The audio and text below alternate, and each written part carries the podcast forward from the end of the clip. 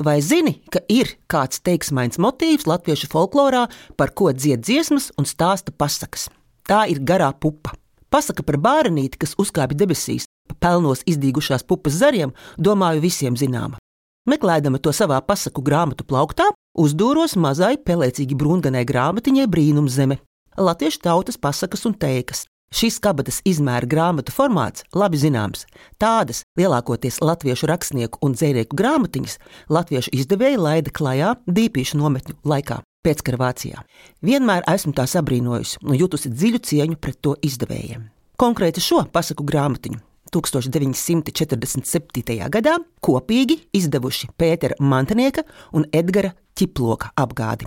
Bet pasakas sakārtojas un plašu priekšvārdu sarakstījis Kārlis Dziļlēja. Ļaujos vēlmei noskaidrot, vai šis dzīskais uzvārds ir rakstnieka pseidonīms. Izrādās, nē, tas ir tieši vāciskā uzvārda latviskojums. Līdz 1940. gadam Kārlis bija Stīfentāls, taču pseidonīmu viņam nav trūcis. Iesaku visiem iepazīties kaut vai tikai ar viņa biogrāfiju, cik gan daudz viens cilvēks var izdarīt savas tautas kultūras un sabiedrības labā. Pasaku par garo pupu atrodu minētās grāmatas sadaļā ar didaktisku nosaukumu - Likumības pasakas. Te Kārlis Dzīleja sekojas Teodora Zeifarta pasaku sadalījumu paraugam. Par tām savā apcerējumā Kārlis Dzīleja raksta.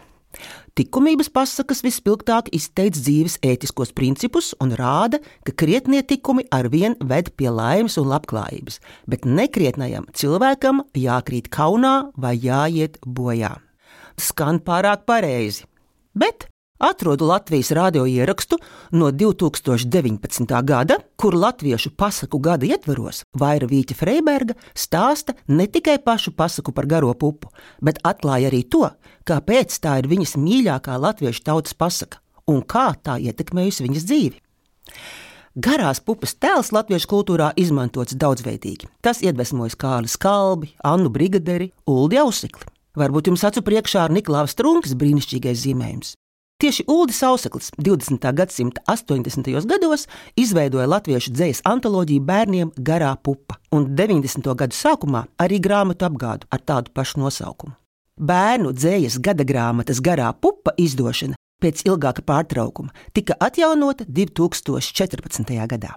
Bet nu par dziesmām! Akadēmiskā izdevuma Latviešu tautas dziesmas, sestajā bērnu folklorai veltītajā sējumā, kurš klajā nāca 1993. gadā, atrodams vispilnīgākais garās pupas tekstu apkopojums - 28 pamatdziesmas ar milzumu daudz variantiem. Savulaik man neizpratni radīja fakts, ka šīs dziesmas ievietotas pie bērnu dziesmām. Ir taču skaidrs, ka tās ir mitoloģiskās dziesmas, taču bija jāsmierinās, Jo 15 latviešu tautas dziesmu sējumos, no kuriem līdz šim iznākuši jau 12, atsevišķs sējums mitoloģijai nav paredzēts. Tāpēc arī es neanalizēšu šos tekstus šādā aspektā. Nepiesaukšu ne pasaules koku, ne iniciācijas rituālus. Tikai pārlūkošu, ko tad mūsu senči cerēja ieraudzīt, uzkāpjot debesīs pa garo pupu. Vispirms, nevienmēr tā ir pupa. Ir dziesmas, kur kāpšana notiek pa baltas puķis, baltas rozes, liepas, arī zirņa zariņiem. Tomēr visbiežāk tiek iesēta pupa, un tieši balta. Taču arī liela, diža, zelta, cūku un turku pupa. Pēdējā pārceļojusi arī uz labi zināmo bērnu skaitām pantiņu. Kur tad pupusēji? Rožu dārziņā, augstajā vai baltu smilšu kalniņā, jūras, purva, daugaviņas maliņā, Bet visinteresantākais, protams, ir tas, ko kāpēc tajās debesīs ierauga un sastopa. Visbiežāk dievu, dieva dēlu vai dēlus, retāk mīļo vai svēto māru. Ko tik viņi tur nedara? Koklē zelta koklis, seglo vai gana zirgus, siekiem naudu mēra, saules meitai kāzas dzer. Vairumā variantu dziesmas varonis sastaptajām dievībām jautā pēc tēva un mātes, un saņem atbildes lielākoties nomierinošas. Saka, labi viņiem iet, strādā vieglus darbus, vai tēvs ar māti vādzemē, saules meitai kāzas dzer.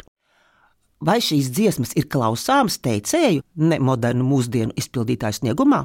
Jā, mums ir dota tāda iespēja. Jāapmeklē folkloras krātuves digitālais arhīvs garamantas.lv.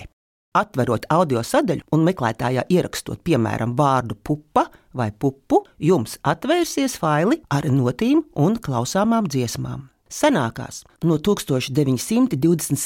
gada Artūra Salaka kolekcijas. Tiesa, ļoti grūti saklausāms. Toties no 60. gadu ekspedīcijām pieejami brīnišķīgi ieraksti.